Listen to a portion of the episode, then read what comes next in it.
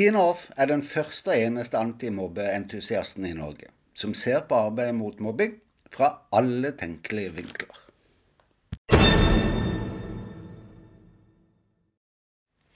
I et kjærlighetsforhold regnes respekt og tillit mellom partene som viktig for sjansen for å lykkes. Så også mye annet, selvfølgelig, som ærlighet, åpenhet og nærhet.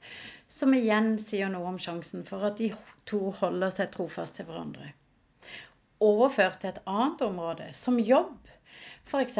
i et stort konsern, vil en heller snakke om tillit og respekt ut fra kvalitet, pris og konsernets verdier. Kjærlighetsforholdet, det er til kunden. For det er kundene som enten går med på å betale prisen, eller går et annet sted. Det gjør kundeopplevelsen så viktig, ja, service, som vi kjenner så godt.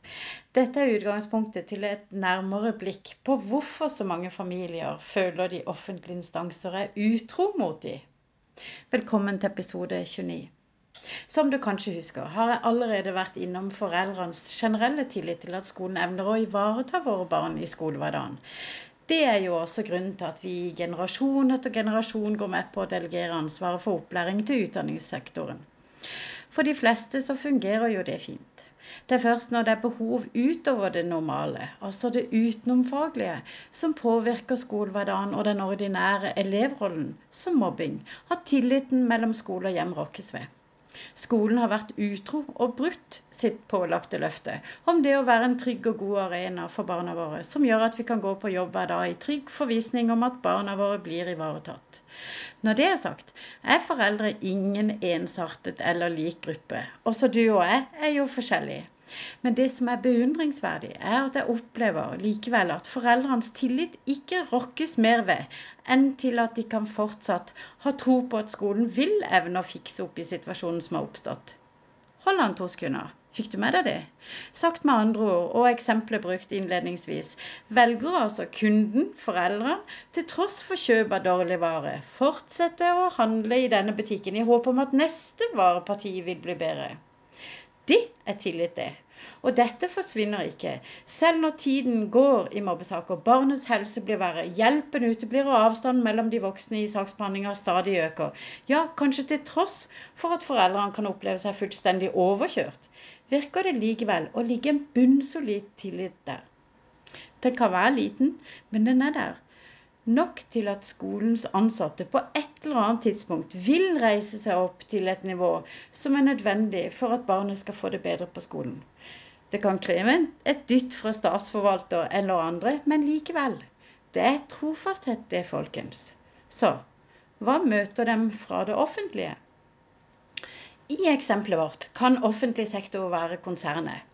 Et stort konsern med en rekke underavdelinger og tusen av ansatte. De avdelinger som er relevante i vårt eksempel, er jo fra helse og utdanning.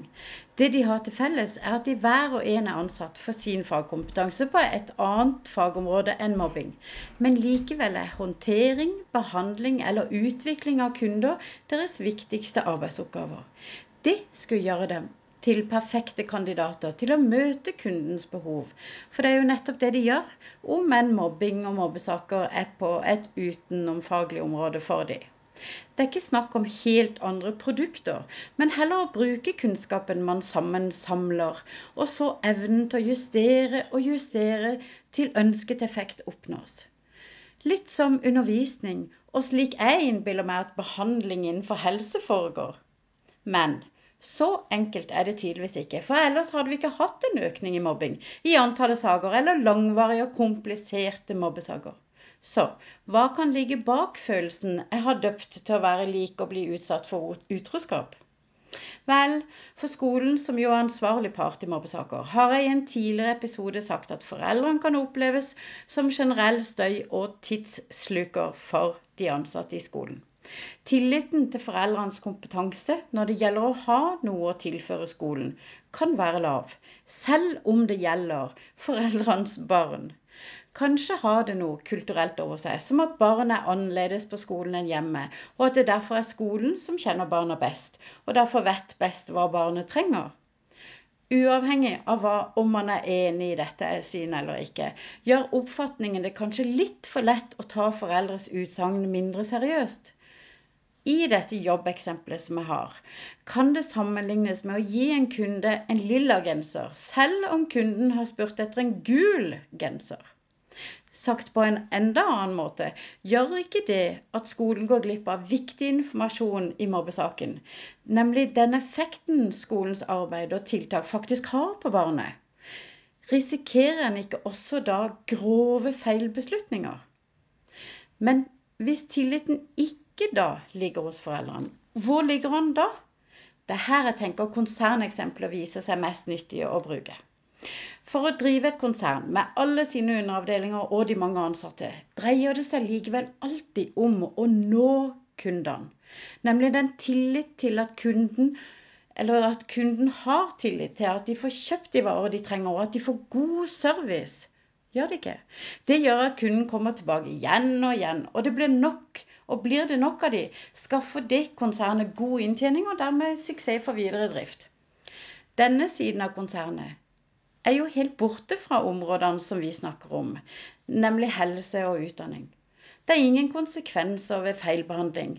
Men viktigere, det er ikke noen drivkraft i det å måtte yte sitt beste til kundens tilfredsstillelse for å beholde kundene i et konkurransepreget marked. Kan det gjøre tilliten mindre aktuell? Lojaliteten og kvaliteten også? Litt som den eneste butikken i nærområdet kunden har å handle i. Noe som mer reduserer butikkens behov for å ha varer som møter kundens behov. Prisen er som den er, og kundeservice så som så. Viktigere blir det å fremstå som dyktig og verdig sin tillit innad i konsernet. Dermed også trofastheten dit. Kan vi være inne på noe her? Men nå La oss snakke om den vi faktisk skal hjelpe i mobbesaker, nemlig barnet sjøl. Som kjent kan barna ha store utfordringer i kjølvannet av sine opplevelser. Både overfor jevnaldrende, de involverte i mobbingen, tilskuerne, men også skolens ansatte. Sistnevnte, altså utfordringer med skolens ansatte, kan fort gjøre at de ikke ønsker å dele sine erfaringer med de voksne. I hvert fall enkelte. Det som virkelig er interessant, er at i samtlige klasser og skolebesøk jeg har vært på, har jeg ikke møtt på et eneste barn som ikke er helt tydelig på hvor skoen trykker for dem når det gjelder mobbing, og i kjølvannet av sine opplevelser. Ja, selv medelevene kan peke ut på akkurat det samme. Barna vet hva som ikke fungerer, hvordan de ikke ønsker å ha det, hva de trenger osv. Barn vet også akkurat hvem de ønsker å fortelle det til, hvem de har tillit til osv. Og så tenker du kanskje at også de føler seg overkjørt og utsatt for utroskap. Nei, akkurat det motsatte. Her må jeg bare få berømme barn og unge. For selv om de kan peke på konkret, det konkrete, tiden som går, og de opplever den ene skuffelsen etter den andre, er det barna som reiser seg med den mest trofaste, tålmodige og romslige holdningen, og med den største tilliten av alle. Voksne kommer til å hjelpe dem, også noen skolens ansatte. Det er bare snakk om tid, er det jeg hører oftest. Tre poenger til da til slutt. Nummer én mens foreldre har behov for skolens trofaste forhold til deres barn. Når uhellet er ute, mobbingen skjer, er foreldre overhodet ikke forberedt på å finne ut at skolen er utro. Punkt to. Skolen må få støtte og drahjelp som sørger for at det blir litt konkurranselignende tilstander, der det må ytes kvalitet, skapes direkte effekt for barnet, og der foreldrenes stemme om effekten av skolens tiltak er selve drivkraften for sakens fremdrift. Ja, og så trengs noen faktiske konsekvenser, som utløpsdatoen tidligere har foreslått. Til slutt, punkt tre tenker jeg at det er underlig at barna ikke diskvalifiserer oss voksne i arbeidet mot mobbing. Virkelig. I stedet er det vi, du og meg, som kanskje burde lære noe av barnas urokkelige trofasthet og tillit til at vi kommer til å hjelpe dem. De er kanskje nødt til det, barna. For oss så velger vi det. God uke.